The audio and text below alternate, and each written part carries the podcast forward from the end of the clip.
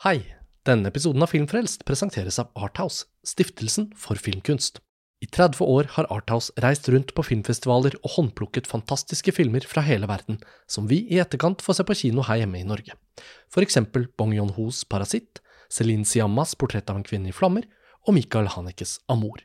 Og i fjor sikret Arthouse seg iranske Panah Panahis veien videre på filmfestivalen i Cannes. Og denne filmen har norsk kinopremiere 29. april og vises over hele landet i tiden fremover.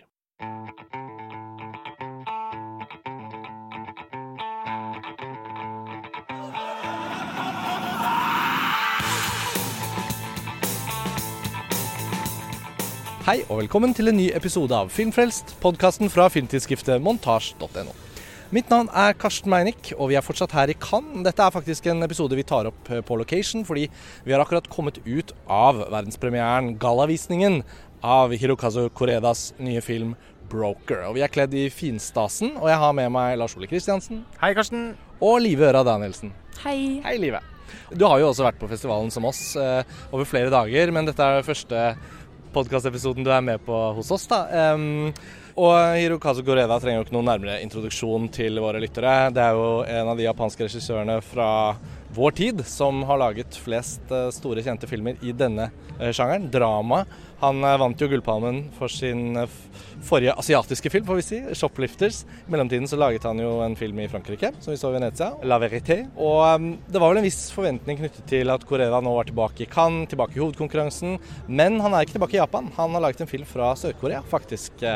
Og Park Chan-wook den koreanske mesteren er her også med en ny film, 'Decision to Leave'. Så vi tenkte vi kunne gjøre en liten episode om de to koreanske filmene får vi si da, i hovedkonkurransen. Eh, Live, du er jo her med um, Biff, og du har hatt en lang festival. Du skal dra hjem i morgen. Jeg tenkte å starte med det. Hvordan uh, føler du deg nå som festivalen nærmer seg slutten? Jeg begynner å kjenne at jeg er på dag ni av festivalen. Det har, det har blitt gradvis vanskeligere å, å, holde øynene oppe på slutten av dagen, men, men, jeg er ganske godt fornøyd. Jeg har fått sett mye film. Det er kanskje ikke det beste årgangen av Cannes jeg har vært på, men det å være her, det å være tilbake etter en, en lang pandemi, er helt fantastisk.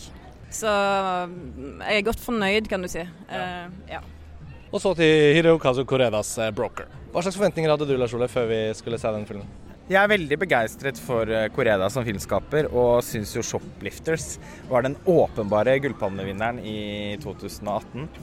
Uh, og 'Søstre', som han uh, var her i hovedkonkurranse med i 2015, har på en måte vokst seg til å bli en av mine favorittfilmer. Så Men på tross av det så hadde jeg egentlig litt dempede forventninger. Jeg føler på en måte at Koreda må lage film i Japan. Og det er ikke sånn at Sør-Korea og Japan er helt to, to, sider av samme sak. Og jeg var jo relativt underveldet over den La Verité. Og opplever vel kanskje også at Koreda eh, er litt ujevn i den forstand at han lager veldig mange filmer. Og som oftest er det på en måte hver tredje film eller noe sånt som virkelig treffer. Eh, mens de imellom føles litt forhastet. Altså eh, ofte preget av litt uinspirert filmspråk. Et kanskje ikke helt gjennomarbeidet manus. Og at de er for lange og, og, og har behov for liksom strammere redigering. Og det føler jeg nok dessverre også er tilfellet for uh, Broker, som vi nettopp har sett. Og 'Broker' det er jo en film som uh, føles uh, som en skikkelig Koreda-film. Og ikke minst når vi tenker på tematikken her. Det er igjen litt sånne utradisjonelle familiestrukturer. Barn som i ulik grad er eller ikke er hos sine faktiske foreldre osv. Um, forhold til Shoplifters-livet, hvordan syns du denne filmen skriver seg inn i hvordan denne tematikken er behandlet? jeg syns dette var en litt sånn lystigere variant. Ja, den har en, en gjennomgående lystigere tone. Det, det, er jo en film som det, ble veldig tidlig, veldig umiddelbart, den skal handle om mye av det samme. Og mye av det samme som han òg tidligere behandla som far, som sønn og en del av de andre litt sånn familiefilmene som stiller spørsmål om hvordan, vi, hvordan mennesker tenker og føler og elsker når det kommer til andre mennesker og familiemedlemmer og sånn som så det. Um, den, jeg kan jo fortelle litt hva den handler om, kanskje. Det starter med at en kvinne en regnfull dag eh, legger et, en baby utenfor en kirke i Busan i Korea. Eh, det er en sånn babyboks der som en jo har hørt om at fins. Altså der du kan legge babyen din hvis du ikke ønsker å ha den. Som er tenkt å skal redde liv. De, de kommer rett inn i et sånt barnehjemsystem. Men det vi veldig fort eh, forstår, er at de mennene som står på den andre sida av den luka den kvelden, de holder på med noe sånn menneskesmuglingsgreier. Altså de tar disse babyene, og så har de eh, en slags forretningsidé. De skal selge dem til til andre par som, som, ikke kan få barn og diverse. Uh, vi, vi, skjønner jo veldig fort at det er noen politidamer som er på uh, de har på en måte fått snusen i ja. eh, dette lyssky opplegget. De har fått ferten i det, så dette blir liksom den saken som de skal gå på. da. De, de fotfølger de. Så det er et sånn spenningsmoment der. Og så er det i utgangspunktet mennesker med store feil. da, En, en kvinne som forlater barnet sitt, to menn som skal tjene penger på dette her. Og så, er liksom filmen den gjør den koreanske tingene, holdt jeg på å si, hvor han da eh, skal gi kjøtt på beina til disse fordom, de, altså de her umiddelbare fordommene en får i møte med disse scenarioene. Mm. Jeg syns jo det plottet sånn som du beskriver det, er på en måte en inngang til en film jeg får veldig lyst til å se. Altså Man blir jo nysgjerrig fordi premisset selvfølgelig er for veldig mange lett å bare tre inn i som tilskuere. Alle kan identifisere seg med sånne type eh, Et barn som har en eller annen skjebne, et mor som må gi fra seg sitt barn. Så det er noen sånne grunnleggende eh, ting her. Og jeg syns jo at den helt basic kvaliteten i en Koreda-film som tar for seg noe sånt, den er også på plass her. Jeg syns det var en varm film, og jeg satte pris på at den ikke var så uh, dyster i hvordan den behandlet tematikken underveis i det at vi blir kjent med disse feilbarlige typene, så får vi også hjerte for dem. da. At alle har på en måte en bakhistorie. altså En av de mennene har selv blitt gitt bort. Og um, politikvinnene har sin lille sånn De filosoferer litt over denne saken de alle er på en eller annen måte en del av. Og filmen har ingen hast med at det løser seg. Um, Politikvinnene er enige om at de må ta disse, denne lille banden idet et salg av en baby gjennomføres. Og fordi det blir så mange mislykkede forsøk, eller noen som trekker seg, eller noen som vegrer seg litt for, så blir jo filmen veldig sånn Det blir mange longører i selve spenningen. Og dermed får jo rollefigurene tid til å, å reflektere litt over egentlig hva det vil si da, hva det vil si å, å, å, gi fra seg et barn, eller hva det vil si å vokse opp uten en mor. Eller, og, og Det aspektet ved filmen det satte jeg ganske pris på. Ja, altså Disse to politidetektivene sitter jo stort sett alltid i bilen. Og jeg følte at sånn omtrent hvert kvarter eller noe sånt noe ble en ny runde der hvor de sitter og oppsummerer litt og gjør seg noen betraktninger. Spiser noe mat og liksom De har ikke dårlig tid. Nei. Eh, og hele filmen bærer preg av det. Den er langsom. Koreda har heller ikke så dårlig tid med å bli ferdig med filmen. Nei, og den er langsom på en måte som jeg ikke syns er tilstrekkelig ladet. Da. Jeg, syns rett og slett at eh, det er eh, At den er litt slurvete satt sammen. Og jeg syns ikke han har vært god nok her til å lage mange uforglemmelige scener og sekvenser, sånn som han gjør når han virkelig er i storform. Det også en film som skjemmes litt av å være skutt på digital video. Simpelthen bare fordi at de beste filmene til Korea er ikke det. De, de har en annen type tekstur.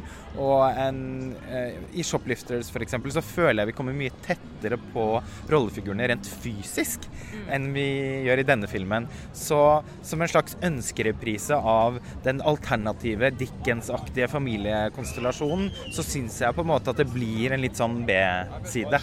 Mm. Uh, uten å egentlig si noe negativt om filmen, fordi jeg er helt enig i de kvalitetene som du løfter fram, selvfølgelig. Mm. Nei, men Jeg er enig. Jeg synes, uh, Særlig i starten så følte jeg at det gikk litt treigere enn det jeg, jeg, uh, egentlig hadde sett for meg, med tanken på at plottet er veldig lada på et vis. Um, når det er sagt, så, så, klarer ikke jeg heller å si konkret hva som mangler. Det er vel mer det at med en film som 'Shoplifter', som nok er en av mine favorittfilmer noensinne, uh, faktisk, så er det bare Hver scene har en plass der. Alt bidrar til å skape et, et um, Altså, vi får, et, vi får, en relasjon til denne familien som bygger seg opp. Og her òg jobber Koreda veldig med å lage denne familien ut av denne brokete gjengen som skal prøve å selge en unge. Men det blir jo en sånn roadtrip ut av det, for de, de, finner aldri noen selgere som de har lyst til å gå for. Og det i seg sjøl er jo en familiehendelse, på en måte, når de sitter i bilen og og det, det, skjer ting, og det er en liten, annen liten gutt fra barnehjemmet som har sneket seg med. Og, han var veldig skjønn. Han var veldig skjønn.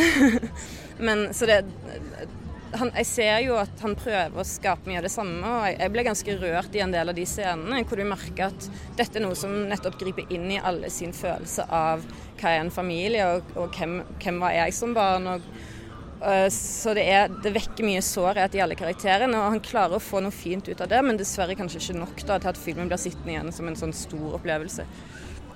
Jeg er enig. Jeg tenker også at selv om, um, selv om jeg tror filmen fortsatt har den kvaliteten som Koreda har hatt en del de siste ti årene, at den rett og slett er ganske publikumsvennlig.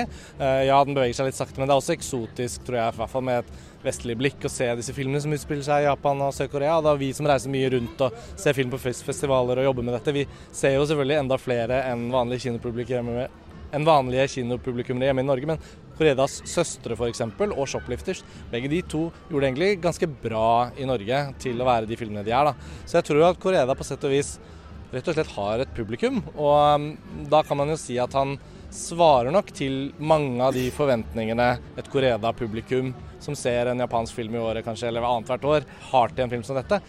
Så, så, er det jo denne evige samtalen vi har hatt noen ganger nå her i Cannes, at hvilken film er det som skal komme og være den åpenbare gullpalmevinneren f.eks. Og det ble ganske raskt klart at dette var en medium Koreda på en måte. Litt Koreda på lavkok, særlig visuelt og en sånn filmkunstnerisk. Men som en idé så var det jo liksom vintage Koreda, at du får de samme motivene. Du får på en måte en ny runde med mye av det samme. Ja, og ikke sant? Det er ikke sånn at jeg tenker at å, jeg skulle ønske at han fant på noe nytt. Altså, Jeg tenker jo at Koreda liksom er våre dagers Osu. Han må gjerne lage eh, den samme filmen igjen og igjen, og vende tilbake til eh, å se nærmere på eh, noen motiver som da gjør at filmografien hans blir veldig idiosynkratisk. Eh, så, og jeg tenkte jo også da masse på Som far som sønn, eh, selvfølgelig. Så den føles jo på beste vis som en typisk Koreda-film, bare ikke god nok til å kunne måle seg med filmer som eh, 'Shoplifters', 'Still Walking', 'Søstre'. 'Nobody Knows'. Mm.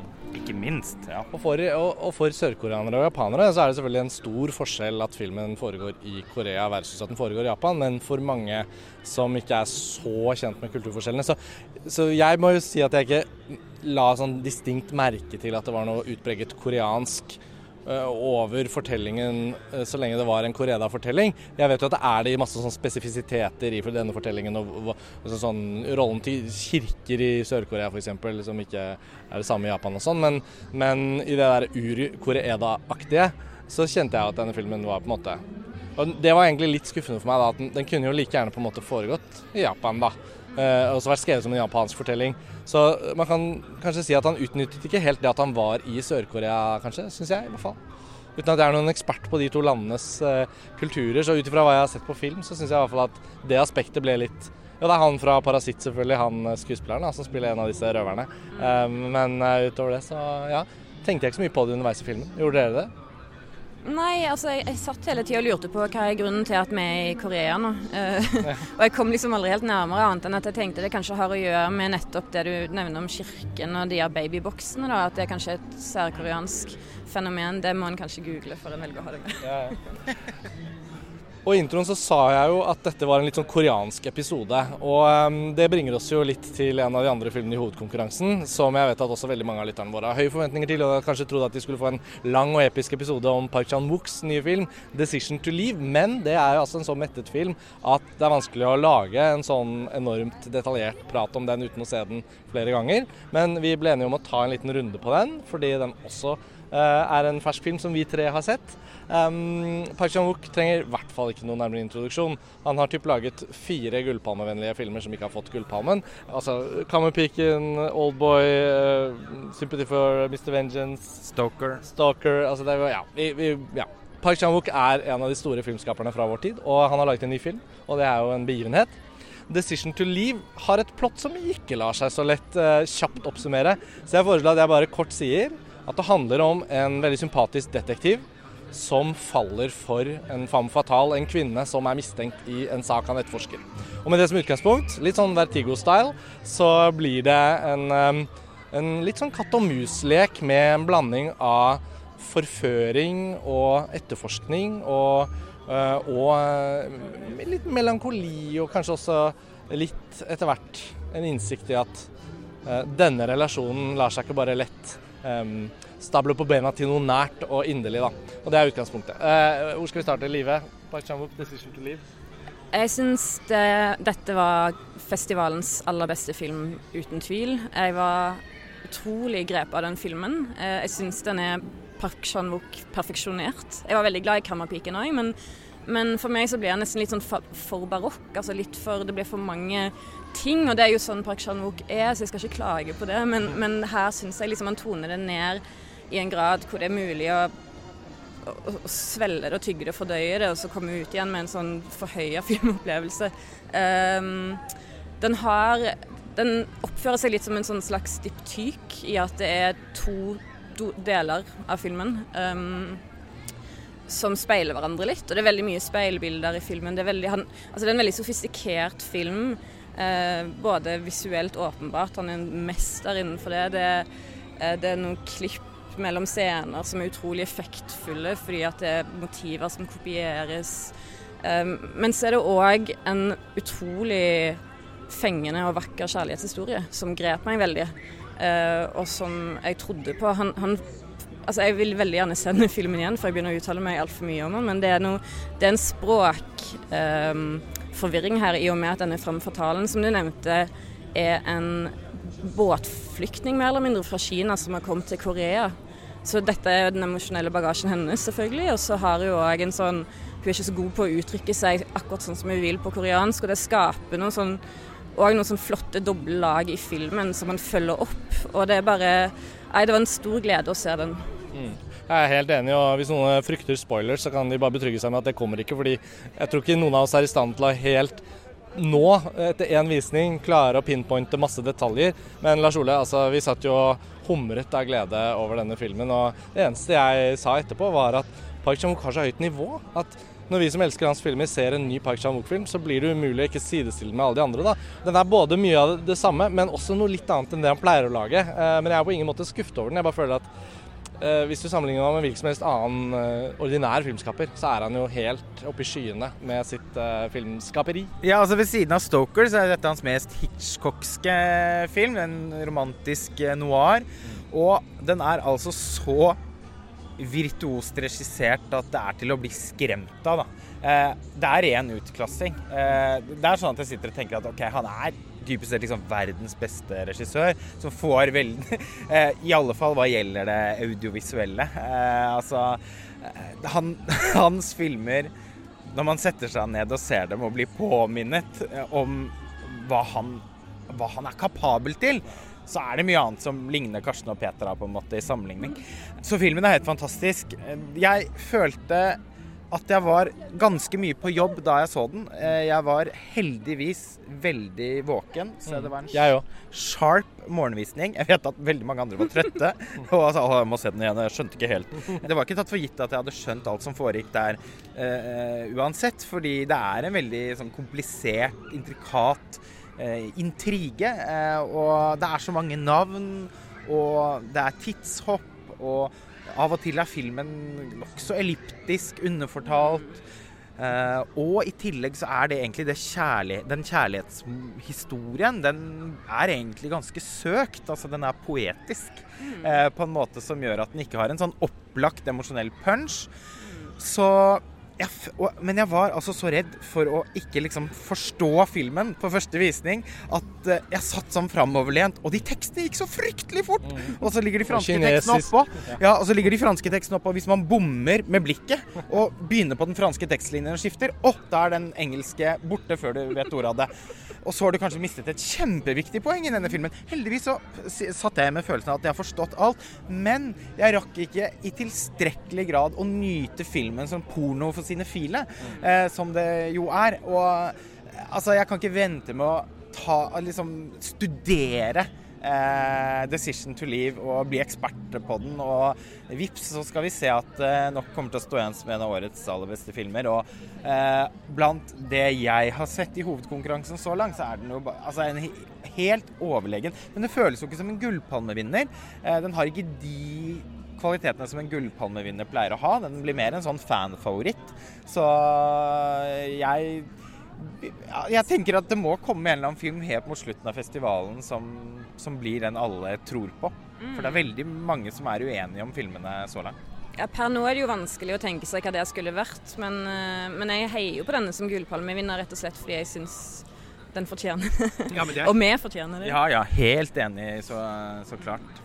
Ja, Hvis, hvis det var for filmkunsten, så, så, så hadde det vært en no-brainer eh, så langt. Men eh, som sagt, den eh, Nei. Vi, vi pleier å merke det når Gullpalmevinneren kommer. Og den har på en måte da ikke ankommet. Og det, klokken tikker. Jeg tenkte, eh, selv om dette bare er et kort riss eh, over Park Chan-wooks film, så, så, føler jeg liksom at det er fint å kunne rapportere det herfra. Vi står jo her eh, som sagt fortsatt på kroasetten, og, og det, er, det er naturlig å rapportere det inn, men det er også veldig viktig å understreke det du nettopp sa. Jeg tror alle vi følte det, og vi vet det fordi vi har sett så mange Park Chan-wook-filmer mer enn én en gang.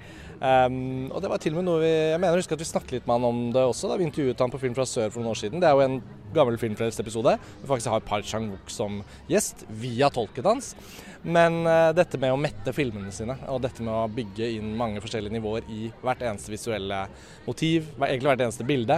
Og det er jo noen shots i denne filmen. Tidlig i filmen så er det et utrolig bilde fra innsiden av et øye på en død kropp, da. Uh, hvor det kravler en maur over øyehinnen, men bak det igjen så ser vi opp i perspektiv til de faktiske rollefigurene. Som vi da skal klippe tilbake til. At det er noen sånne, ja. Så for de som da Og det må jeg bare si, noen av filmhistoriens feteste snapsums.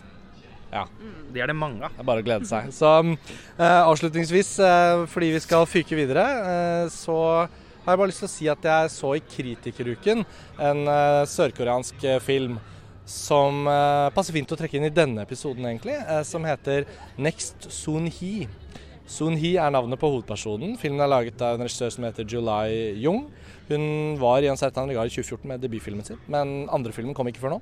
Så den i Kritikeruken, visste ingenting, men den var også en utrolig bra sørkoreansk film. En helt litt annen, mer sånn neddempet, uh, hva skal vi kalle det, en slags procedural, uh, hvor um, fortellingen om en uh, videregående student som skal på arbeidsutveksling på et sånt callsenter, um, blir en sånn gradvis mer og mer detaljert og nedadgående spiral av en karakterstudie da, som etter hvert involverer uh, mange institusjoner. og hun Dona Bai, som også spiller i Broker, hun som spiller politietterforskeren, en av de to, i bilen, hun spiller også politietterforsker i den Next Zone He, så nå følte jeg jeg fikk sånn eh, to av henne. Hun er også med i Cloud Atlas, hvis ikke jeg husker feil. Hun er en sånn sørkoreansk skuespiller som har eh, bransja litt ut fra bare å være i Sør-Korea. Men denne Next Zone He var en sånn en liten oppdagelse. altså Det var ikke sånn eksplosivt uh, liksom, Her kommer det en ny filmskaper. Men det var en sånn studie, litt sånn som Zero Fucks Given var det i fjor, men på en helt annen visuell måte. En studie av en person i arbeidslivet, og hvordan jobben kan ta over uh, den følelsen du har av å leve et fritt og selvstendig liv, og at hvor du beveger deg i humør eller psykisk egentlig har årsaker som kanskje ikke er din skyld, men at det kommer fra noe annet. Da. Så det var en sånn veldig sånn fin og tematisk rik film som jeg kjente et umiddelbart behov for å begynne å anbefale litt. Særlig til de norske programmererne fra festivaler som løper rundt her. Fordi den tror jeg mange kommer til å ha glede av å se. Så det var den siste koreanske inputen her på vår lille vi skulle, vi skulle ha sagt at vi sto utenfor den koreanske standen, det gjør vi dessverre ikke. men vi har altså akkurat sett uh, 'Broker', vi har fått snakket litt om Park Chan-wooks uh, 'Decision to Leave' og denne lille filmen i Kritikeruken. Så Lars Ole og Live, tusen takk for den lille praten. Og så ønsker jeg dere en fin natt videre i Cannes-varmen. Takk. Nå blir det strandfest. Jeg skal på film. Jeg skal på fest.